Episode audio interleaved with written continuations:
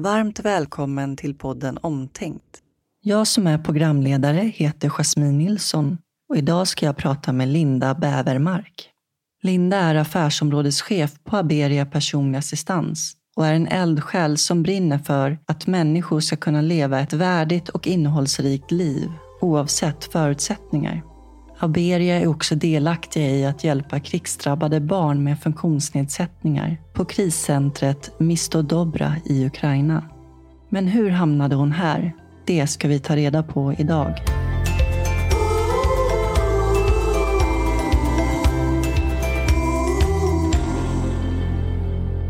Varmt välkommen till podden Omtänkt, Linda. Tack ska du ha. Tack. Vi hade lite tekniska problem här i studion i tidningskvarteren så att eh, vi var flexibla och åkte hem till mig istället. Mm, vi gav inte upp så... kan man säga. Vi löste problemet. Vilka problemlösare vi är, ja, eller hur? Verkligen, verkligen. Är du det, rent allmänt? Ja, men det måste jag nog säga. Jag får höra ibland att jag uppehåller mig kort tid vid problemet utan springer direkt på lösning. Ja, så svaret är ja. Mm. Ja, men det kan jag mm. tänka mig en förutsättning också med tanke på vad du jobbar med. Du mm. är affärsområdesansvarig på Aberia personlig assistans. Ja, det stämmer. Jag är på alla nivåer i alla roller. Jag jobbar också som assistent, jag jobbar som medarbetsledare. Jag utbildar, jag bygger affärsområdet. Jag är med i ledningsgruppen för Aberia. Och ja, jag gör, jag gör det mesta. Och jag tror att det är det som är skärmen. I våras så startade ni en kampanj på Aberia mm. för att hjälpa krigsdrabbade barn med funktionsnedsättningar i Ukraina. Mm. Aberia är ett företag som ingår i, också i ett större sammanhang som ingår i NHC Group tillsammans med eh, lite andra verksamheter. Och eh, våran koncern-VD Yngvar sa det att något ska göras. Någon måste göra någonting och vi har ett ansvar. Och eh, en kollega, Arnfinn från NHC Group, han jobbar som kommunikationschef där, har varit aktiv och arbetat i Ukraina och har en god kännedom om landet och människorna. Och eh, han kom då med tipset om det här centret som heter Misto Dobra, att här kan vi göra skillnad. Så koncernen tog ett beslut, donerade en eh, summa pengar till då Mr Dobra. Och vi åkte ner för att få se vad har pengarna gått till och vad mer kan vi göra för att hjälpa? Mr Dobra betyder City of Goodness och på Mr Dobra finns det jättemånga skyddsänglar. Och Marta som har startat Mr Dobra säger att ju fler skyddsänglar som går på våra gator desto bättre. Och hon har också skrivit en bok på ukrainska, men den finns också på engelska, som handlar om olika historier som är så, så sorgliga, men som alltid slutar gott för att det kommer en skyddsängel och hjälper barnen som det handlar om i de här sagorna. Och dessa sagor är tagna ur verkligheten. Mr Dobra är ju från början ett center för eh, våldsutsatta kvinnor och barn som behöver någonstans att få tak över huvudet för att kunna fly en våldsam situation eller relation. Och här får man bo, här får man äta, här är man trygg och här får man också utbilda sig.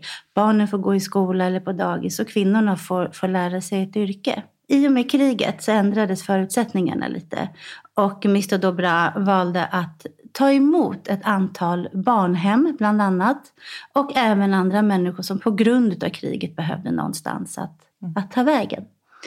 Hittills har det kommit tre barnhem. Det här är barn utan föräldrar och många av de här barnen har funktionsnedsättning. Många barn är också faktiskt krigsskadade. Utöver det så hjälper även Mr Dobra till med socialt arbete i närområdet. På vår resa så fick vi följa med hem till ett antal familjer. Och vi fick vara med och leverera matvaror, vi fick lämna blöjor, tvättlappar, allt sånt här som för oss är självklarheter. Som vi går in i närmsta affär och köper det vi behöver. Det är bara att de här människorna, de har inte medlen att, att köpa sina varor för, utan behöver få hjälp. Och det är sånt arbete som Mr Dobra gör också. Mm. De gör enormt stor skillnad. Det måste varit otroligt omvälvande Känslomässigt är jag kvar mm. där. mm. ska jag säga. Det var många starka möten med eh, människor, med, med, med barnen. Och hur hanterade du det sen? Jag tror att jag hanterar det nu. Mm. Vi har ju bestämt att det här åtagandet, att vi, att vi har valt att skänka pengar så att de kan bygga ytterligare ett hus för att kunna ta emot ännu fler. Det är ju också ett sätt att hantera och processa och att få fortsätta göra skillnad och få fortsätta hjälpa till. Mm inte hjälpa som någon form av egen självuppfyllnad så att säga, utan för att de behöver. Mm. De, de, behöver våra resurser och vi har resurserna. Vi har de ekonomiska medlen, vi har kompetensen, vi har engagemanget. Det kan göra en enorm skillnad. Mm. En enorm skillnad kan vi göra. Mm. Jag känner mig ju extra berörd med tanke på att jag själv lever med en funktionsnedsättning så vet jag hur utsatt man kan vara om man inte har de förutsättningar som krävs för att kunna leva ett eh, bra liv. Alltså jag tänker bara mm. på hjälpmedel av olika slag mm. och andra förnödenheter som man måste ha för att man ska kunna fungera mm. i vardagen. Mm. Jag tänker om du behöver eh, nya hjälpmedel så får ju du hjälp med det. Precis. Eh, så är det inte för eh, de här människorna. Så det vi kan bidra med är ju kanske det som som de får tillgång till. Det kan ju också vara kanske inte bara hjälpmedel i form av liksom redskap eller, eller rullstol eller så vidare. Det kan ju också handla om kompetens. Och vi har ett ganska starkt ögonblick när vi kommer in i ett av eh, husen och vi kommer upp på övervåningen. Alltså Jasmin, övervåningen och här bodde barn med funktionsnedsättning som inte kunde förflytta sig själv. För att det var den ytan som fanns kvar. Så här, här var de och det var vid tidpunkten så var det sovtimme. Alla barn låg och sov, alla utom en flicka som var lite äldre än de andra barnen. Hon var runt sex år. Och jag ser den här flickan och hon visar tydliga tecken på autism. Men personalen här har inte den kompetensen och vet därmed inte hur ska vi bemöta, hantera, utveckla och så vidare det behöver de också, för det kan ju vara skillnaden för åt vilket håll den här flickans liv går åt. Att få, få lära sig mer, att, att bli behandlad på rätt sätt utifrån sina förutsättningar. Eller att inte bli det och kanske någonstans backa i utveckling. Mm. Det är gripande. Det är otroligt, otroligt gripande. Mm. Det sätter ju definitivt saker och ting i perspektiv. Men eh, jag är ju nyfiken på hur din resa började och eh, hur du hamnade där du är. Jag läste mm, ett inlägg om att du fick ett nytt perspektiv i ung ålder kring det här med att leva med funktionsnedsättning. När det var en eh, familjemedlem som föddes med det. Just det. När jag var tio år så föddes min kusin Pelle. Jag får säga hans namn. Och eh, han föddes med Downs syndrom och eh, blev behandlad i tidig ålder på ett helt annat sätt än vad jag hade sett tidigare. Jag kommer från en familj där alla får plats, alla är älskade, alla är värda lika mycket. Kommer från en familj där det alltid har funnits fosterbarn och, stödbarn och, och så vidare.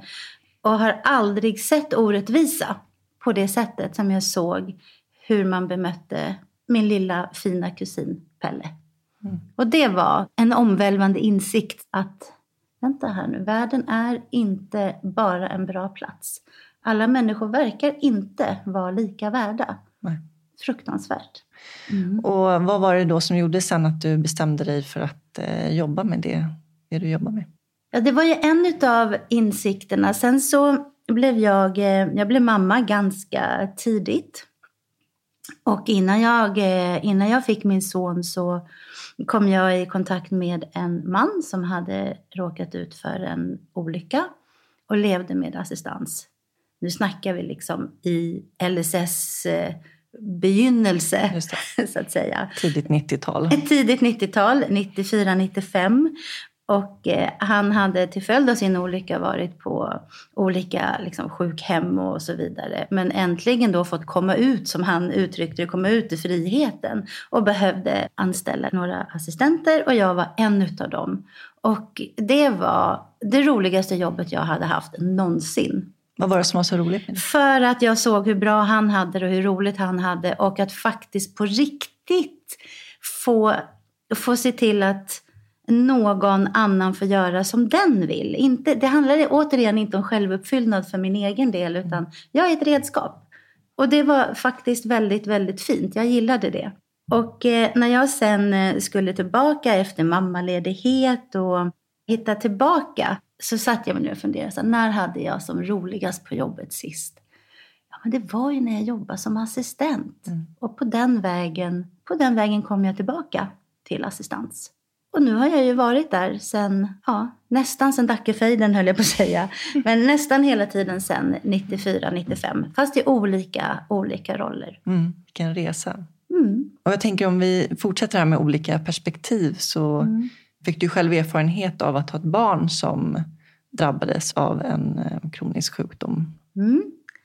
Min son drabbades utav, eller debuterade som man säger, i diabetes typ 1 under ganska dramatiska former för det är 11 år sedan.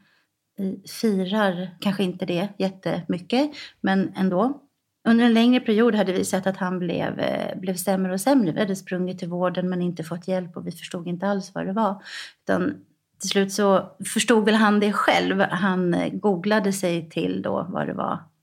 Och eh, det här satte liksom livet på ända skulle jag säga. Diabetes är ju en utav få sjukdomar som man ska vara expert på själv och kunna, kunna behandla själv. Och en obehandlad diabetes typ 1 som det handlar om är förenat med eh, döden. Så enkelt är det. Du kan inte gå med en obehandlad diabetes. Och eh, det här satte liksom saker och ting på ända otroligt mycket. Det var in och ut på sjukhus och det blev ett, ett osunt övervakande skulle jag vilja säga ifrån eh, mitt håll och även ifrån pappas håll. Vilket gjorde att den här naturliga frihetsprocessen som börjar när man är, är i, i 16-årsåldern där som han var. Han blev den, hämmad. Han blev jättehämmad och då behövde han ju börja bete sig för att hålla oss undan. Och det, var, det var några tuffa turer. Och det här, det här lever vi ju med fortfarande. Han har ju fortfarande diabetes typ 1 för det blir man inte av med. Men sköter ju allting själv. Men det påverkar ju alla relationer och, och det finns en rädsla. Det finns en rädsla. Man har promenerat i de här sjukhuskorridorerna och tittat in där han ligger uppkopplad med diverse maskiner och tänkt att var det så här det skulle vara? Mm. Och, um, det är ju också så att för en person med diabetes typ 1 så är det så otroligt många faktorer att ta hänsyn till. Du ska till exempel se över ditt blodsocker för du ska göra någonting så är det, alltså det är allt ifrån så här, vad är det för väder, är jag stressad, vad ska jag göra om två timmar och så vidare. Ett ständigt övervakande för att träffa rätt med det blodsockret du ska hantera just för stunden. Mm. Det måste vara enormt svårt att som förälder också släppa taget för att eh, ens barn ska bli självständig också och lära sig att leva med det. Jag vet inte om man släpper taget. Nej. Jag tror jag kämpar med det fortfarande. Det har ju gått 11 år så det är en vuxen man eh, vi pratar om. Jag tror inte att jag har släppt taget. Nej. Och eh, lösningar i våran tillvaro är ju att vi har ju våra boenden väldigt nära så att det är på springavstånd om något skulle hända. Men jag tänker med din eh, bakgrund och var du kommer ifrån, det måste ju varit en tillgång för dig ändå med, med tanke på dina erfarenheter och att ha eh, jobbat med personer med mm. olika utmaningar i livet, att ändå ha det med dig? Jag tror det. Jag tror du har rätt i det, Jasmin, för att man ska ju inte jämföra. För att alla, allas situationer är eh, olika. Men man lär sig ju också av alla människor man träffar, alla situationer man, man är i. Och jag tror att jag var ganska väl rustad för att klara den utmaningen. Och jag tror att min privata utmaning, alltså mina kunder och uppdragsgivare, medarbetare, anställda, assistenter, jag tror att de kan dra nytta utav det. Det är till att börja med flexibelt. Allt går att lösa. Vad behöver du här och nu? Vad kan jag göra för dig? Vad blir nästa steg? Hur tar vi oss vidare här? Det är ett flow hela tiden. Projektledande. ja, det kanske är så. I vardagen. Ja. Jo, men det blir väl det också. Man behöver ju struktur för att få livet att funka när man har de här typen av utmaningar. Så kan ja. jag känna ibland att jag är en projektledare av mitt liv för att få livspusslet att gå ihop. Ja. När man är beroende av andra människor. Man är beroende av att så mycket ska funka i vardagen. Ja, ja men det kan jag höra liksom många av mina kunder. Och, och så tänker jag så här, det, jag tycker inte om att säga kunder för det har också blivit mina vänner, mina uppdragsgivare, mina, liksom, mina hjältar om, om man får säga så. Men säger samma sak att okej, okay, jag ska, jag ska liksom ner till stranden. Det är, det är ett projekt. Mm. Hur ska jag styra upp det här? Ännu mer när det kanske handlar om ett byta jobb eller det är en semester som ska planeras eller en, eller en hel flytt. Och som att inte det vore nog att man ska liksom projektleda det om man ska flytta eller vad det nu är. Så ska man dessutom involvera Försäkringskassan och meddela det. Så att det inte blir liksom ett bakslag i nästa steg. Mm. Så det gäller att ha hjärnkällorna på plats skulle jag vilja säga. Minst sagt. Minst sagt. Mm. Mm. Ja, hur är det att jobba som personlig assistent? Det är jätteroligt. Och eh, på ett sätt, där jag jobbar som personlig assistent, det är en söndag i, eh, i månaden så det är, inte, det är inte speciellt mycket. Men den söndagen är ett, helig. Två, väldigt välplanerad. Och är ett här och nu-piller. Mm. Så är det. För det finns ingenting annat som existerar under de timmarna när jag är där i min assistansroll. Det finns ingenting annat. Det är oerhört välgörande. Ja, fantastiskt att höra. Mm. Man har ju en avgörande roll i en människas liv. Alltså mina assistenter gör ju att jag kan leva det livet som jag vill leva. Och det, ja. det är ju en ynnest att få bo i ett land där man har den möjligheten. Mm. Och tänk då vad viktigt det är att eh, bevara det. Mm. Att höja, att höja rösterna för att värna om reformen. Mm. För, för det, det går fort åt fel håll. Och du som jobbar med det här, liksom, vilken effekt har det på dina uppdragsgivare? Det, det är ju en katastrof. Ett indraget beslut är en katastrof. Det betyder att livet slutar levas. Så allvarligt mm. är det. Och vad gör det med dig när du får se det så nära? Ja, men det är ju omöjligt att inte bli eh, känslomässigt berörd. Så är det. Och eh, som jag sa tidigare, det här är ju människor man kommer väldigt nära. Att det blir starka relationer. Men det är ju inte i egenskap utav eh, vän eller god medmänniska jag, jag är där just då. Utan när det händer, då agerar jag. Och då agerar våra team. Och då, då går vi till attack, höll jag på att säga. Det, det gör vi inte. Men det är då vi samlar våra krafter för att göra vad vi kan för att få tillbaka beslutet eller hämta hem de förlorade timmarna eller utmana avslaget på förhöjt timbelopp eller vad det nu är. Då är det upp till kamp. Mm. Det är det. Och eh, då finns det, hur hårt det än låter, så för mig finns det då inte utrymme för känslor. Då behöver jag lägga det åt sidan och bli väldigt, väldigt praktisk. Det kan låta hårt, men då är det, då är det ett, ett problem som ska lösas. Och då måste jag ta bort allt Alla som ligger i vägen mm. för det, vad det nu än är. Mm. Mm. Nej, men det förstår jag verkligen. Det är så jag också upplever det när man stöter på då man får ett avslag, vad det nu kan vara för mm. någonting man kommer in i, det blir en autopilot. Att ja. liksom, nu måste man lösa det här. Ja. Och för att orka hantera det med allt annat så måste man vara pragmatisk och bara ja. gå in för det. Och... Lägga känslokostymen åt ja. sidan och ta på sig rustningen. Mm. Det är lite så jag ser på det. Jag brukar gå tillbaka ibland till alltså, förarbetena som gjordes inför att LSS skulle antas. Och jag tänker att oj, oj vad vi har tappat. Mm. Och jag tänker på de människorna som stod på barrikaderna som såg till att det här hände. Jag undrar hur de, hur de känner. Ja, det är vanmakt. Mm. Kan du berätta om något vägskäl i livet där du har varit tvungen att tänka om och tänka nytt?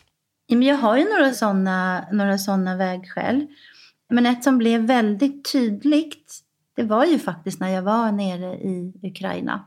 När jag var på Misto Dobra och och eh, när det liksom landade i mig att liksom, det kan faktiskt vara så att meningen med livet det är att göra någonting för någon annan. Utan liksom ett syfte att själv må bra eller få ut någonting utav det. Utan bara genuint, på riktigt, göra någonting för någon annan. Det blev väldigt, väldigt tydligt. Och det är inte alltid heller helt bekvämt. För att om jag ställer frågan vad kan jag göra för dig? Så kommer jag ju få ditt svar, dina behov tillbaka. Och det kanske går lite emot vad jag själv tycker, tänker eller behöver. Men om jag är i det modet att jag ska göra någonting gott för någon annan så blir det helt plötsligt ganska lätt. Så tänker jag. Mm. När vi var nere på Mr Dobra och Marta som är grundaren av centret så säger hon så här att men jag förstår inte hur man kan säga nej till någon som, som behöver hjälp. Hur, hur kan man säga nej? Det var så självklart för henne att nej men det kan man ju inte göra. Mm. Och hennes medarbetare sa att vet ni, det är en bra dag när Marta kommer tillbaka till centret och inte har ett barn med sig utan bara en katt eller en hund. Mm. Det var en bra dag. På så sätt att då har hon den dagen inte hittat fler barn som behöver, mm. behöver hjälp. Så det var en bra dag. För de tar emot också krigsdrabbade djur? Ja, de gör ju det. De har ett hundcenter. Och därifrån kan man adoptera om man vill. Och eh, de här hundarna gör ju ett jättejobb för barnen. Mm. För många av de här barnen, det bor alltså drygt 200 barn på Mr Dobra. Alla är ju traumatiserade på ett eller annat sätt. Och så finns det en barnpsykolog som har hunnit jobbat med 28 utav barnen. Nu klagar inte hon, utan hon är väldigt glad över att hon har hundcentret med hundarna som hjälper henne i terapiarbetet. För många av barnen vill inte prata med människor för att de har tappat tilltron. De har varit med om grymma, grymma saker och sett hemska saker. Och jag tänker att en naturlig fundering här är, alltså, men okej, men vad kan vi göra? Vad mer kan vi göra för att hjälpa?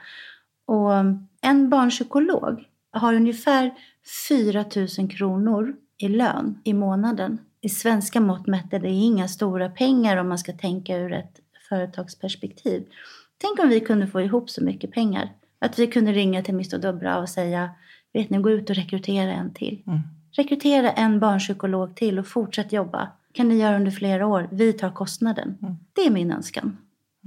Och när, ehm, när kriget eh, bröt ut så satt jag och min son och såg på nyheterna och så var det en bild eller en filmfrekvens på en mamma med nu kommer inte jag ihåg om det var tre barn eller fem barn.